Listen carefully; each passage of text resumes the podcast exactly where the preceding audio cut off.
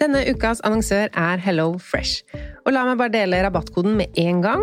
Gå inn på hellofresh.no og bruk fresh penge. Da får du opptil 1779 kroner rabatt. Og i dag tenkte jeg å snakke om matplanlegging ut ifra et hva vil jeg egentlig putte i kroppen min-perspektiv. Altså ikke hva som er godt, men hvor mange ganger i uka vil jeg spise fisk, f.eks. Og med Hello Fresh-appen så er dette så fint. Du velger bare ut fra en liste hvilke fem eller fire eller tre middager du vil spise uka etter. Og så kommer matkassa til deg på døra. Og du trenger ikke å tenke noe mer på hva du skal spise. Denne uka så blir det for meg to fiskeretter, to vegetarretter og en kyllingmiddag til guttene. Gå inn på hellofresh.no og se selv hva du kan velge mellom. Bruk koden FRESHPENGE for å få opptil 1779 kroner rabatt på de første seks matkassene dine, pluss gratis levering på den første kassa hvis du ikke har prøvd Hello Fresh tidligere. Rabatten kan du også bruke hvis du har vært kunde hos Hello Fresh, men det er mer enn tolv måneder siden.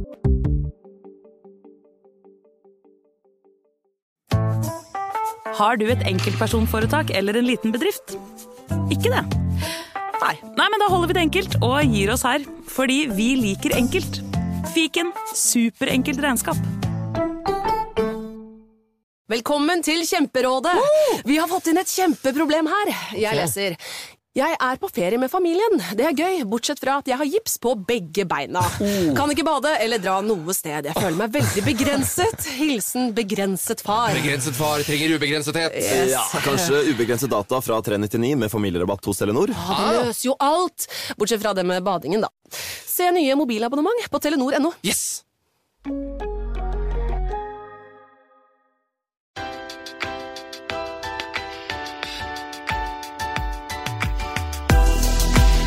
Velkommen til Pengesnakk podkast og 99 sparetips del 2.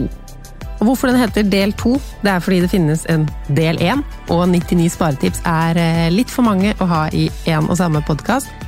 Hvis du ikke har hørt del 1, så kan det hende det er fordi du ikke abonnerer på Pengesnakk podkast, og det kom som en bonusepisode nå på fredag. Så nå ligger den i biblioteket, så du kan gå inn og høre på del 1 før du hører på del 2. Ikke veldig viktig å høre dem i riktig rekkefølge, men i den del én-episoden forteller jeg hvor tipsene kommer fra. Fordi det kan hende at et av disse tipsene er ditt sparetips. Men i dag så går jeg rett på sparetipsene. Eller nei, det gjør jeg ikke. Først så kan jeg fortelle deg at du kan laste ned alle 99 sparetipsene allerede nå, hvis du vil. Printe dem ut og ta dem i bruk. Gå inn på pengesnakk.no slash 99 sparetips, da er det 99 med siffer, så finner du dem. Det første tipset jeg skal snakke om i dag er henge opp et bilde av det du sparer til på en synlig plass i hjemmet. Nå spørs det litt eh, hva du eh, sparer til, hvor synlig du vil at det bildet skal være, men jeg tenker at dette er absolutt et bra sparetips for veldig mange. Noen har det jo sånn at eh, de er topp motivert for sparinga og sparer uansett, f.eks. når de sparer til egenkapital. Mens andre syns at sparinga er en litt seig prosess, og det er ikke så lett å holde på den motivasjonen over tid.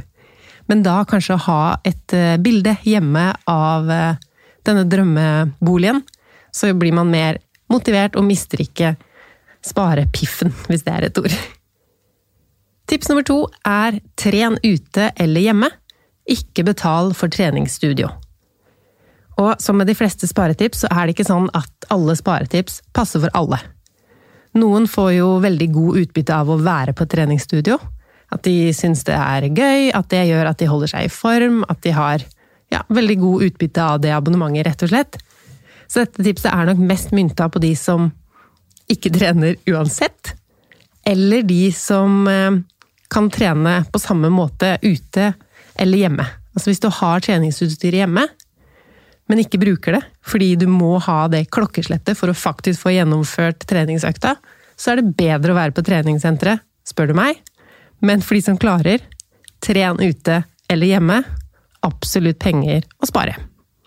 Det tredje sparetipset i dag er å invitere på grilling i hagen.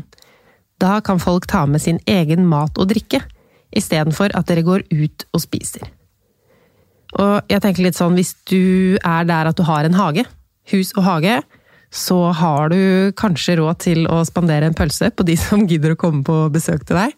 Men eh, absolutt, det å gå ut og spise, det er en kjempeutgift. Så hvis dere er en vennegjeng eller noen som ikke setter så pris på den dyre maten man får på restaurant, så kan eh, grilling absolutt være et eh, mer sparsomt alternativ. Men jeg tenker du kan spandere den grillmaten på vennene dine, og det vil fortsatt bli billigere enn å gå ut og spise.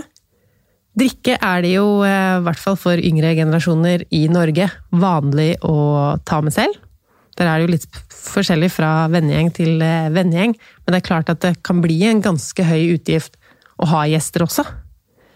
Men sånn jeg tenker på det, da, jeg liker å ha gjester, eh, og jeg liker å være gjest hos andre. Vi er ikke en vennegjeng som går ut og spiser så veldig ofte, vi er heller hjemme hos hverandre. Og da går det jo også på rundgang hvor den utgiften havner. Men hvis du skal ha denne festen da hvor folk tar med egen mat og drikke, så vær tydelig på at alle har forstått det. Fordi det er noe av det verste som finnes, å komme til et sånt arrangement hvor du skulle hatt med din egen drikke, eller du skulle hatt med til og med din egen mat, og så har ikke du fått det med deg, så du kommer tomhendt. Det er flaut og vanskelig og bare dumt så gjør det veldig tydelig hva slags type fest det her er. Er det ta med all mat selv, eller ta med hva du skal grille, og så har vi tilbehøret her. Vær veldig tydelig hvis du skal invitere på denne sparefesten.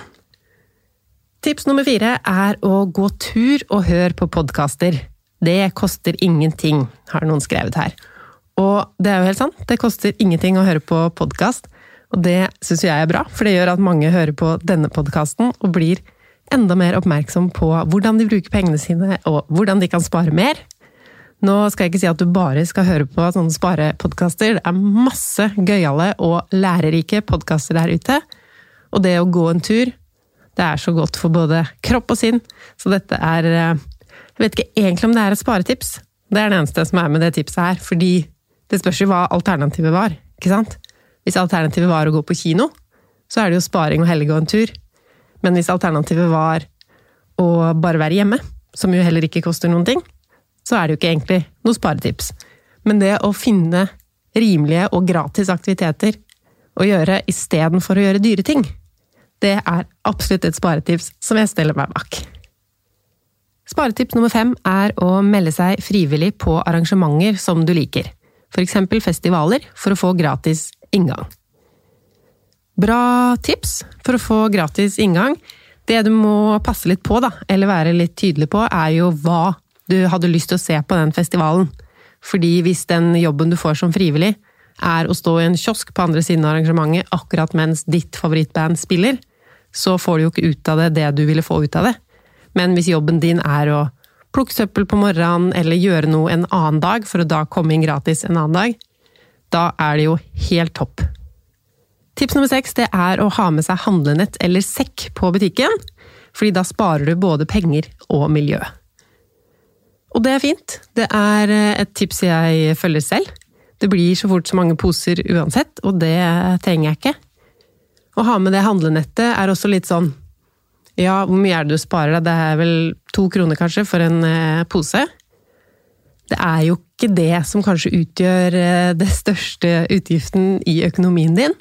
Men jeg tenker litt sånn at hvis du klarer å bry deg om å spare de to kronene, så er det et symbol på at du også bryr deg om større ting, og at du følger tipsene fra den podkastepisoden som heter Verdien av småpenger. For det er med småpengene alt starter. Hvis du greier å være smart der, så har du starta i riktig ende, spør du meg. Tips nummer syv er om du virkelig trenger noe nytt, Følg med på tilbud, og bruk Prisjakt-appen. Det er også et tips jeg liker veldig godt, fordi når man gjør disse tingene, så bruker man jo litt mer tid på hvert enkelt kjøp. Når man skal følge med på tilbud og se hva er en god pris. Da får man så mange sjanser til å også reflektere over om det kjøpet man er på vei til å gjøre, virkelig er noe man ønsker seg. Hvis man ønsker seg noe, kjøper det med en gang, så kan det jo hende det er et sånt impulskjøp som ender opp som et bomkjøp. Det jeg er vel ikke den eneste det har skjedd med. Men hvis jeg da finner noe jeg har lyst på, så tenker jeg ja, skal se om den kommer på tilbud snart, eller om jeg kan finne billigere et annet sted, eller sånn og sånn. Så må jeg jo tenke på dette kjøpet mange ganger.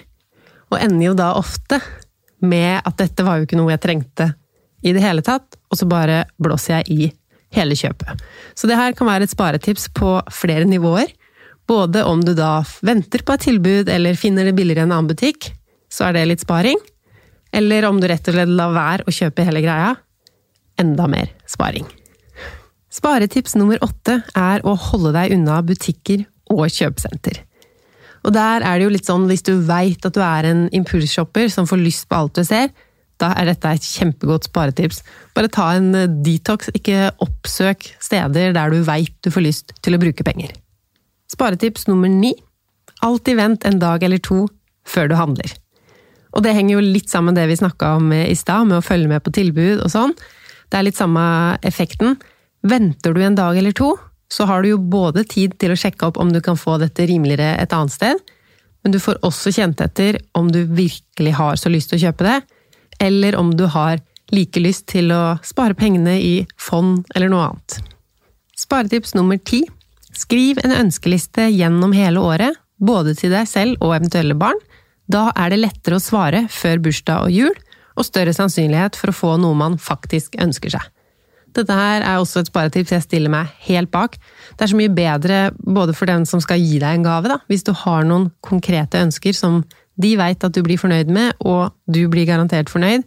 Det blir færre av sånne gaver som Det er jo vanskelig å vite sant, hva mottakeren setter mest pris på. Og det er jo alltid den fare for at det blir enten litt feil eller veldig feil. Men ved å ha noen ønsker, og ha noe å svare når noen spør deg, det er smart. Det er bedre for giveren, og det er bedre for deg. Og da gjelder det også å være litt sånn smart, da, rett før bursdag og jul. Ikke kjøp noe til deg selv da. Da kan du heller sette det på ønskelista, og heller da utsette kjøpet til etter bursdagen eller etter jul. Hvis du eh, ikke fikk det, så kan du kanskje kjøpe det til deg selv. Sparetips nummer tolv.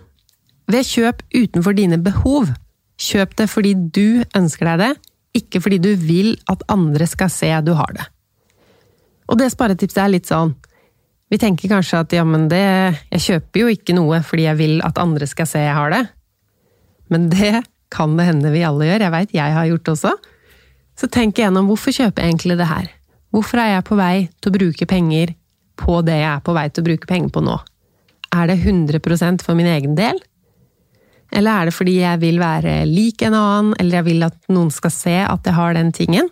Det er kanskje noe man tror bare ungdom driver med, men jeg tror veldig mange av oss voksne også kjøper ting som vi har eh, sett at andre har, og tenker at det er riktig å ha det, eller at man skal ha det for å signalisere en eller annen tilhørighet, men jeg tror ikke jeg tar feil når jeg sier at mange av oss gjør det. Så kjenn langt inni magen om det du har tenkt å kjøpe er 100% for din egen del, eller om du gjør det litt for å tøffe deg, vise fram at du enten bare at du har råd til det, eller at du har den riktige smaken, eller for å passe inn på et eller annet vis. Sparetips nummer 13 er å spare i fond.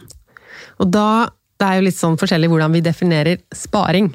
Sparing er jo å ikke bruke pengene, men å heller spare de. Så når du sparer i fond, så handler det jo da om å investere det beløpet som du allerede har spart. Men det med fondssparing kan også være en sparemotivator, fordi det er så gøy å spare i fond og se at det vokser, følge med osv. At det gjør at man faktisk investerer mer i fond enn man ville ha spart på en vanlig sparekonto. Det ble kanskje litt klønete forklart, men uansett, jeg er jo stor tilhenger av å spare i fond, som dere veit. Bare sørg for at du har langsiktighet med de pengene, fordi børsen kan stupe, men den kommer mest sannsynlig opp igjen. Så bare vit at du har pengene der lenge nok, altså at du kan vente på neste oppgang før du tar pengene ut. Sparetips nummer 14 er å ha sparekontoen i en annen bank enn hovedbanken din. Da er det litt vanskeligere å få tak i pengene, og ikke så lett å bli fristet av å låne litt fra sparekontoen.